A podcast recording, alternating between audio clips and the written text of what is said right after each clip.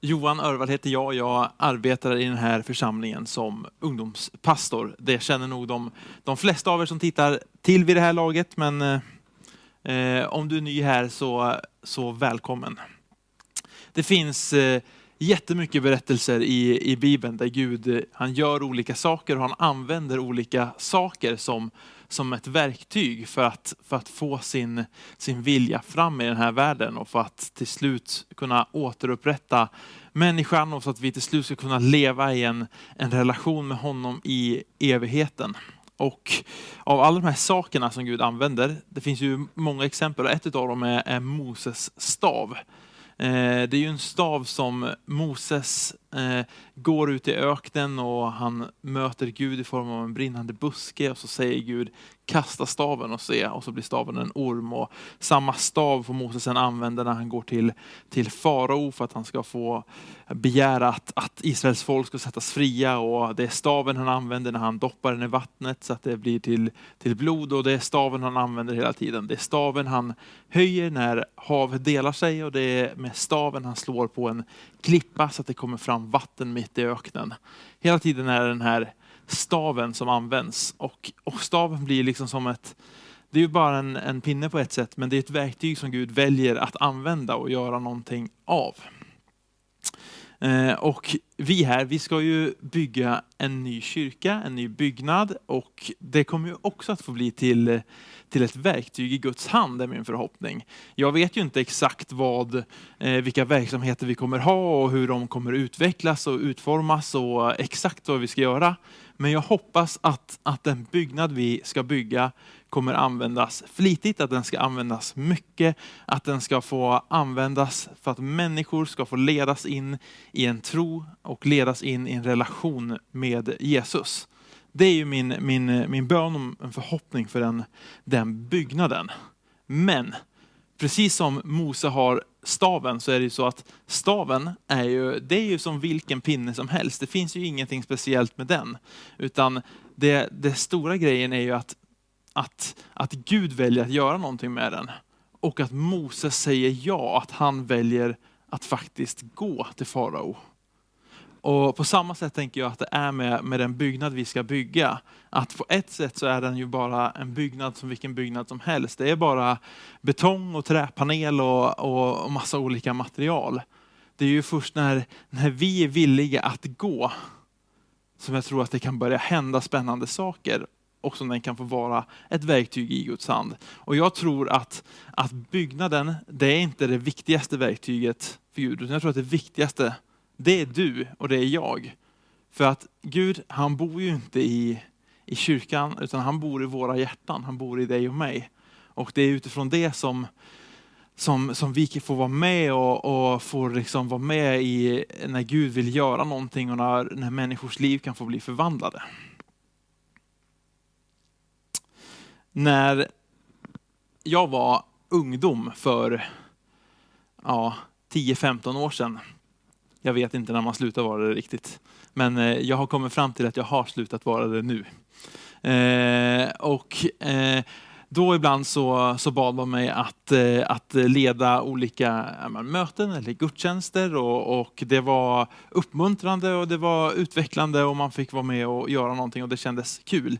Men mitt i allt det så bad man mig också att, att be högt.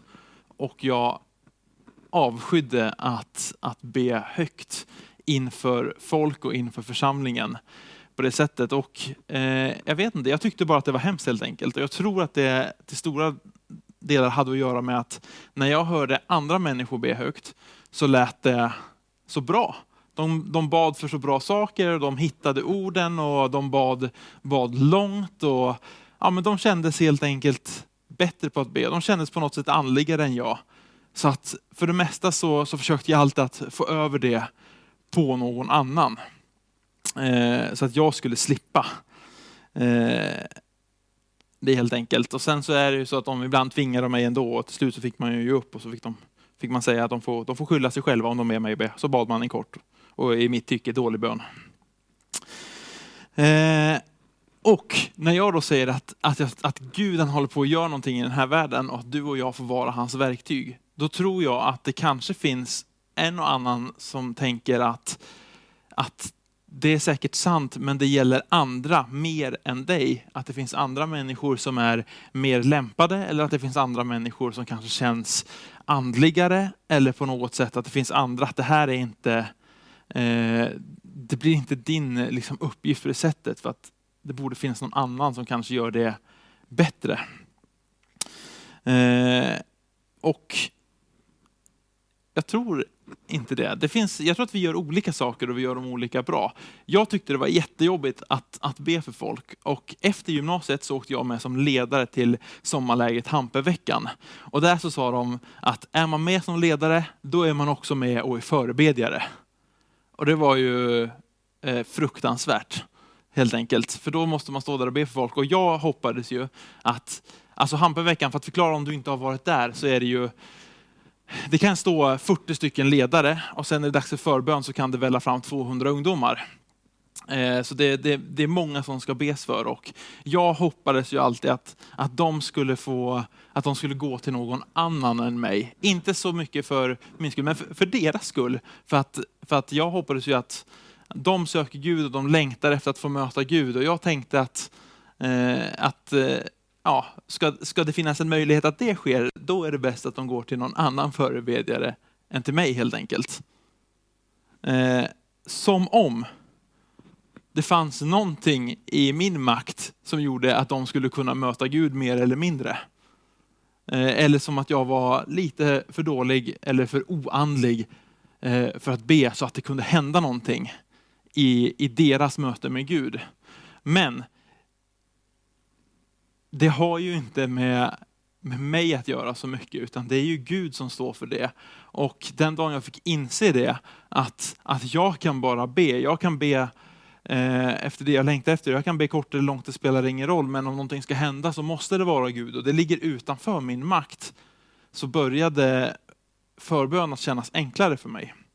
Och när Moses först möter Gud ute vid den brinnande busken, så säger Gud till honom att han ska gå och att han ska tala för honom inför farao. Och då säger Moses att eh, han börjar argumentera emot och säga att han har svårt att tala, att han är ingen talare på det sättet. Och det, det finns andra som är mer lämpade på, på olika sätt än honom. Och han säger att orden kommer trögt och tveksamt.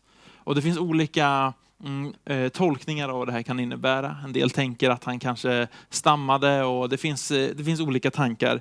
Eh, helt säkert vet vi inte, men på något sätt så har han svårt med att tala inför folk. Och då svarar Gud honom så här. Vem har gett människan hennes mun? Vem är det som gör henne stum eller döv, seende eller blind? Är det inte jag, Herren? Alltså, Moses tänker att hans sätt att tala kommer inte att funka. Men Gud poängterar att det är han som, som gör det. Att det är han som har gett Moses hans mun och det är Gud som kommer se till att det funkar. Jag tror inte att det finns något bäst före-datum. Jag vet inte hur ditt liv har sett ut fram till idag eller, eller, eller vad du har varit med om eller hur din bild av dig själv är eller vad du tänker att din roll är i, i Guds rike idag. Jag vet att det finns inget, eh, det finns inget bäst före-datum på människor som kan stå i Guds, i Guds tjänst. Det finns Moses, han är 80 år när det här händer. Eh, och han har väl inte levt något perfekt eller superbra liv upp till den punkten så. Eh, jag tror att Gud, han kan göra vad som helst genom vem som helst.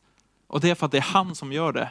Gud han kan få en, en, en stav att göra mäktiga under. Inte för att det är någonting med staven, utan för att Gud är större och mäktigare. Och på samma sätt så kan Gud använda dig och mig. Inte för att det är så jättemärkligt med oss, utan för att Gud är större. Jag tror att vi får be till honom och säga Gud, jag vill vara ett verktyg i din hand. Jag vill att du ska göra någonting med mig och med mitt liv.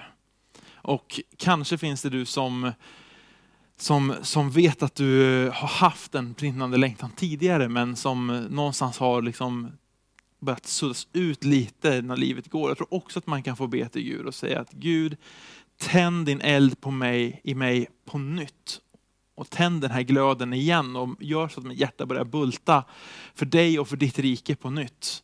Jag tror att vi, vi får be Gud att han ska använda oss. Men också vila i att det är faktiskt han som gör någonting. Att det är han som möter människor, att det är han som kommer med kraften, att det är han som ser till att växten sker. Du och jag, vi får ställa oss till förfogande helt enkelt. Men det är Gud som gör det.